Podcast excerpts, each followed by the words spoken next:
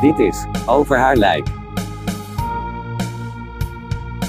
Een podcast over wat er op je pad komt als je vrouw de diagnose uitgezaaide borstkanker krijgt.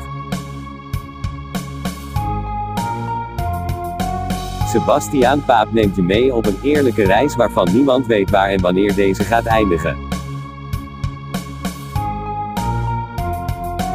Dit is Over haar lijk.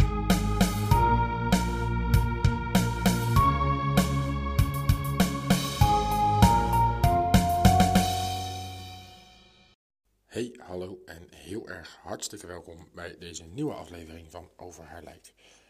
Ehm, een nieuwe, twee weekjes als allereerste Over haar lijk. Een podcast waarin ik je meeneem op een reis waarvan niemand weet waar en wanneer deze gaat eindigen.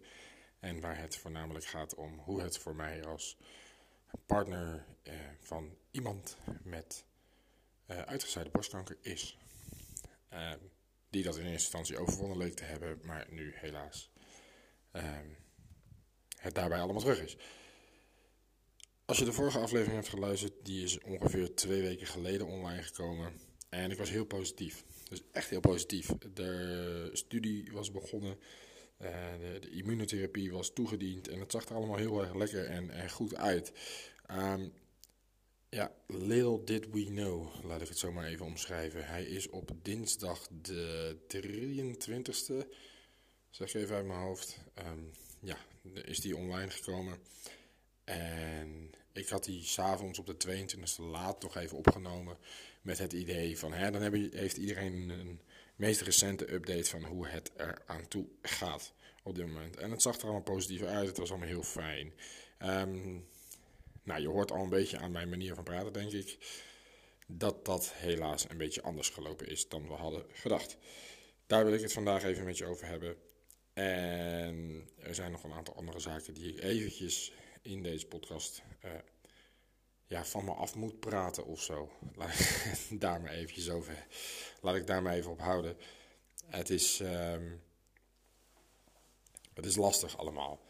Maar goed, laten we eerst maar beginnen bij het begin en verder gaan uh, waar we vorige keer eigenlijk gebleven waren.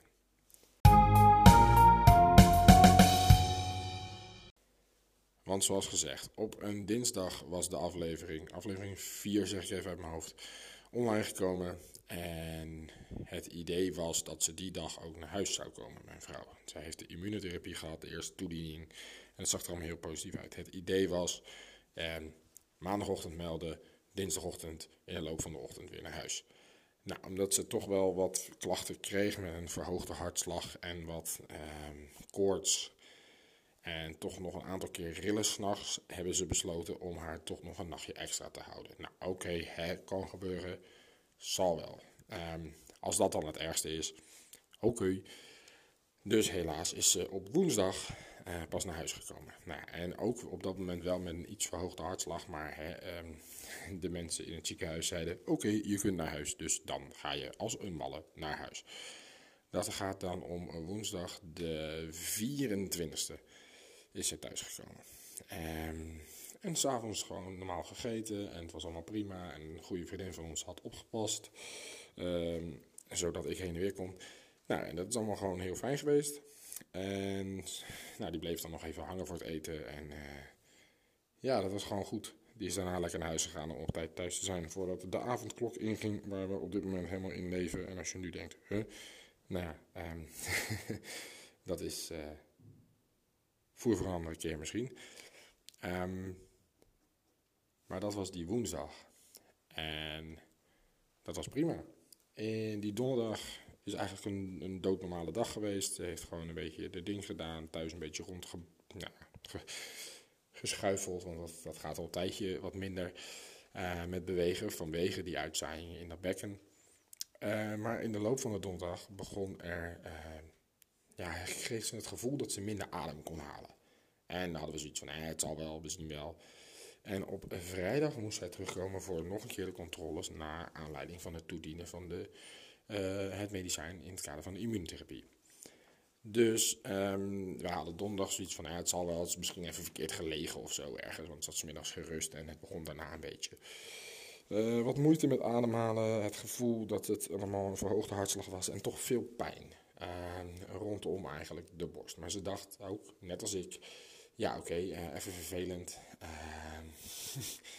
maar zal wel. En we kijken het wel even aan en we geven het morgen wel aan bij de controle. Nou, die controle die is er wel geweest, maar die is er niet geweest op het moment dat die er zou moeten zijn. Uh, wel op vrijdag, maar uh, laat ik het heel kort samenvatten. De pijn werd heviger en heviger, meer moeite met ademhalen. En uh, nou, geen koorts, gelukkig. Maar toch had ik het ziekenhuis gebeld. Ik zeg, ja, het gaat gewoon niet goed. En zij gaat die afspraak niet halen vandaag, dus zij moet gewoon de rust houden. Nou, daar reageerde het ziekenhuis anders op dan ik had gehoopt. Die zeiden namelijk, ja, ze moeten rust houden, maar ze heeft ook een middel gehad waarvan we niet weten wat het doet. Dus kom maar naar het ziekenhuis toe. Ik zeg, ja, ik heb geen vervoer. Het spijt me zeer, maar ik heb geen auto. Ik heb geen... Daarbij, ik was... Ik, ik nog gekeken naar een taxi, maar ik zag haar ook niet in staat om rechtop in een taxi te gaan zitten voor het vervoer. Kort gezegd, het ziekenhuis kwam met het voorstel, dan sturen we wel een ambulance. Um, nou, dan komen er wat spoedjes tussendoor en dan zorgt het dus voor dat je drie uur later uh, is ze een keertje opgehaald. Maar is ze met de ambulance vervoerd naar uh, het Erasmus. En al daar is ze op de spoedeisende hulp terechtgekomen. Is er een, uh, een scan gemaakt. longfoto's gemaakt. En hartfilmpjes. Nou, het hart doet het prima. Toen ook al. maar er bleek in ieder geval een ontsteking bij de lever te zitten. Nou, hupsakee, snel antibiotica erin. Uh, haar hartslag was op dat moment in rust 140. Nou, dat is wel heel bizar.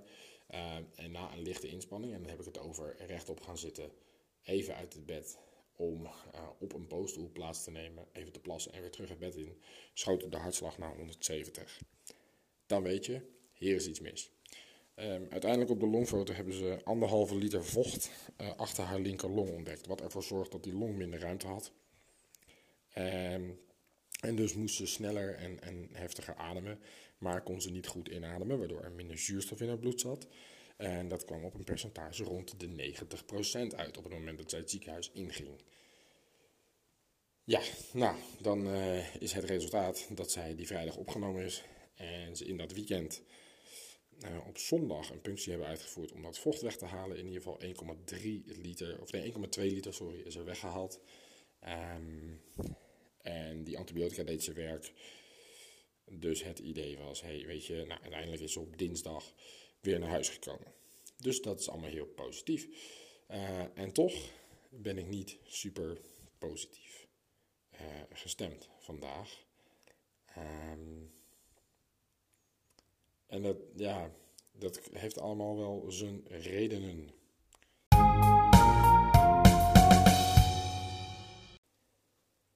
En die redenen zijn niet heel moeilijk. Uh, ze is nu ongeveer een week thuis.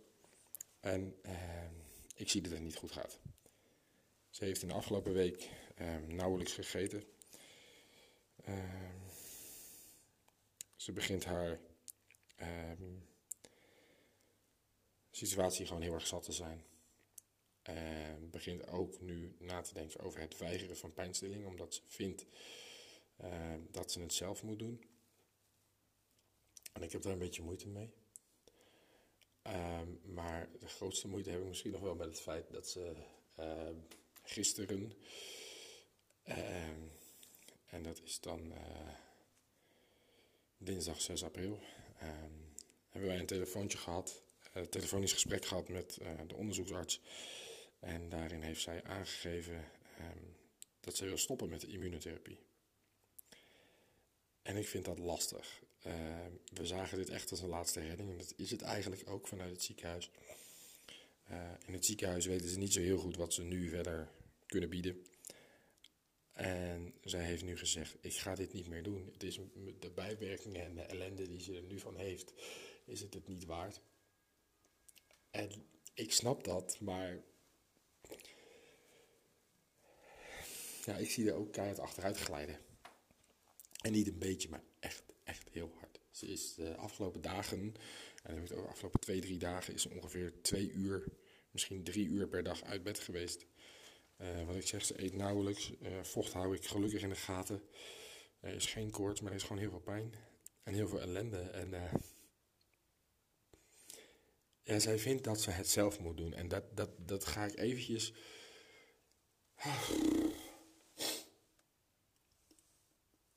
Ik ben heel bang dat het heel snel, heel hard achteruit gaat gaan nu. En dat zijn dingen die ik niet tegen haar zeg, maar die ik wel in deze podcast zeg. En ik zie er afglijden. Ik zie er min of meer wegzakken. Binnen weer langzaam afsterven of zo. Sorry, maar ik, ja. ik vind het gewoon heel moeilijk om te zien. En ik vind het heel moeilijk. Ik snap het besluit gezien de bijwerkingen en de ellende die ze gehad heeft. Maar toch snap ik het ook niet, want we zagen het zo hard als laatste redmiddel. Dit zou het moeten zijn. En, en nu dit. Ik wil even duiden waarom ze nu zegt, eh, ik moet het zelf doen. En daar wil ik eventjes rustig voor gaan zitten. Dus ik ga eventjes ademhalen. Ik ga even een beetje water pakken. En dan ga ik het even met je rustig doornemen waarom ze dat zegt en waar dat idee vandaan komt. En ook hoe dat zich nu uit.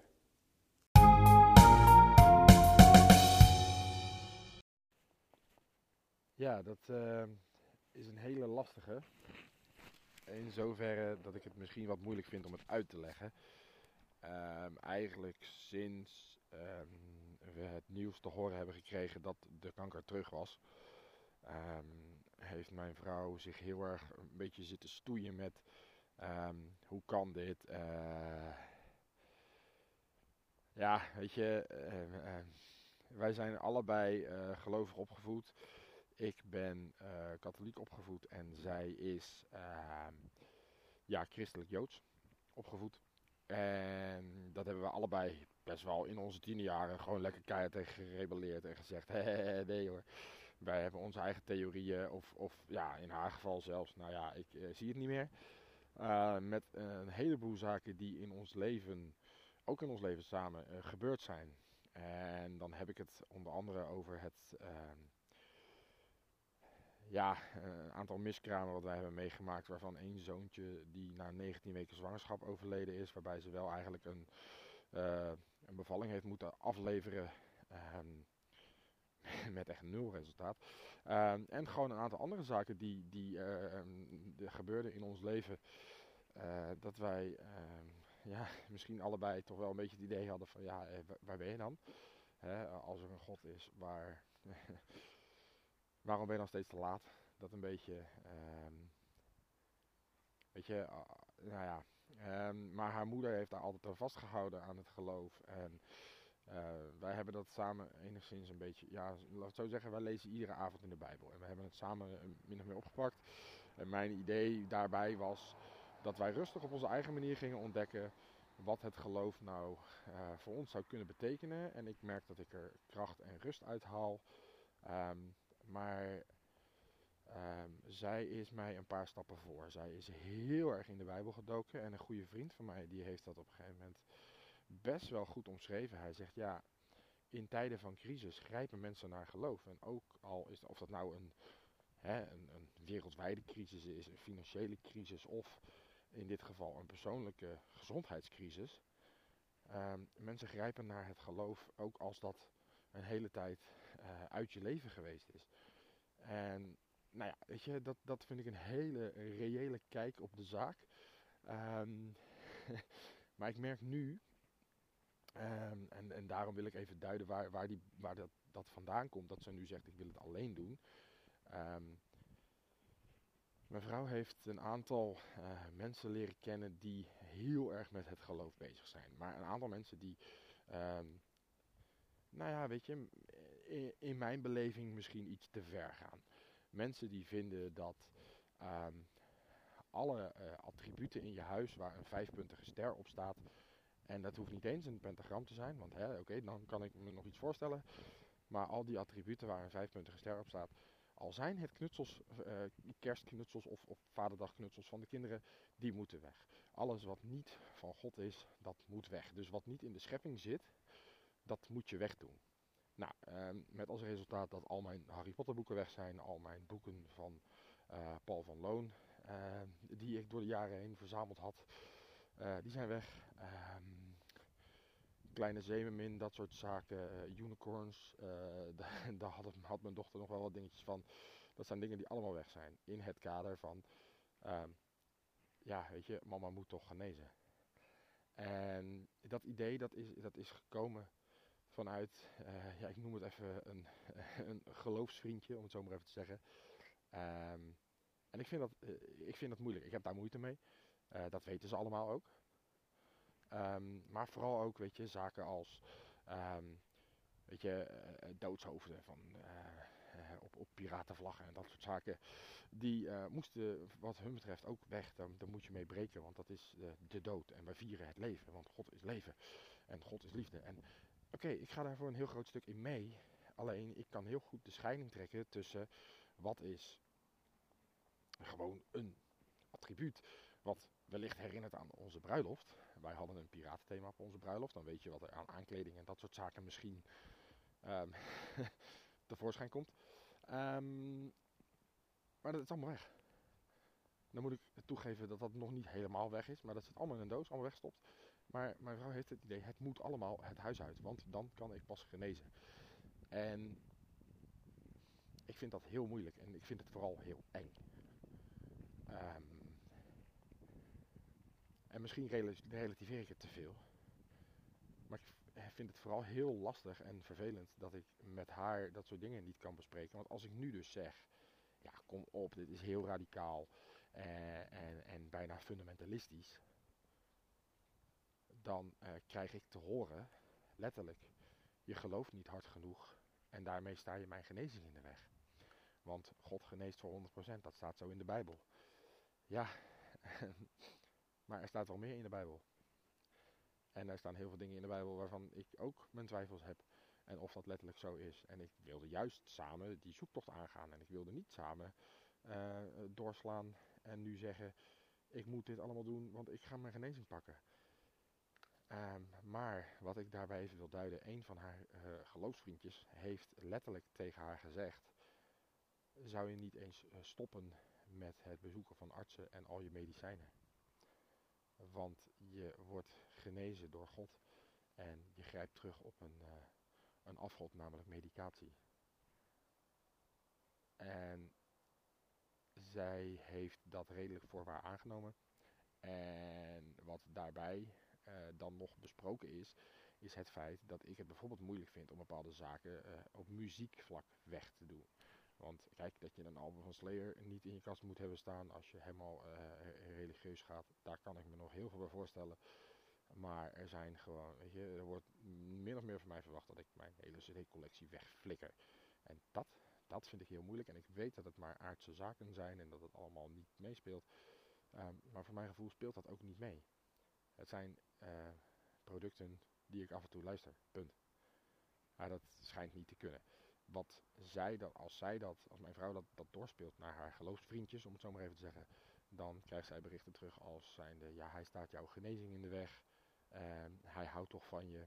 Uh, hij moet het echt wegdoen. Uh, dus ik ben voor een deel daar ook mee begonnen. Wat ik uh, ook gewoon lastig vind. Ehm, maar ik durf die discussie niet meer aan te gaan. Maar ik wil hier vooral even heel erg uh, paal en perk stellen voor mezelf. Dat ik deze aflevering zeker nog een keertje terugluister. Um, mocht het zo zijn dat mijn vrouw binnen nu en een, nou laten we zeggen, laat ik het anders zeggen. Mocht het zo zijn dat ondanks het uh, ongeveer de hele dag Jezus van het kruis afbidden. Uh, zo gaat zijn dat mijn vrouw deze situatie niet te boven komt. En daar ben ik heel bang voor. Zeker als ik zie hoe ze nu haar dagen slijt. Um, dan wil ik één ding even vaststellen voor mezelf. En dat is dat als er ook maar iemand in zijn botte pleuris harses haalt om um, die woorden te herhalen, dat ik haar genezing in de weg sta, dat ik dan niet voor mezelf insta. Ik ben degene die iedere dag, dag in dag uit voor haar zorgt. Ik ben degene die zorgt dat ze voldoende drinkt. Ik ben degene die zegt, uh, zullen we dit of dat doen? Hoe, hoe gaan we dit aanpakken? Wat wil jij? Ik ben degene die voor haar zorgt. Die probeert eten te geven. Die probeert vocht toe te dienen. Die probeert medicatie te geven als dat nodig is. Ik ben er voor haar. En waar ben jij als geloofsvriendje zijnde? Lekker op een soort kilometers afstand en lekker van een afstandje lekker kritiek geven op het feit dat ik het moeilijk vind om bepaalde zaken weg te doen. Ja, ik ben niet degene die gezegd heeft dat ze moet stoppen met medicatie. Ik heb daar, ik heb er alles aan gedaan. Dat is even wat ik, wat ik wil duiden voor mezelf. Goed, sorry. Ging misschien wat ver. Nou ja, eh, dan weet je een beetje hoe de uh, situatie nu ligt. Ik ga heel snel weer met een nieuwe update komen. En ja, dat, dat, daar kom ik snel mee. Voor nu dankjewel voor het luisteren. En heel graag tot de volgende.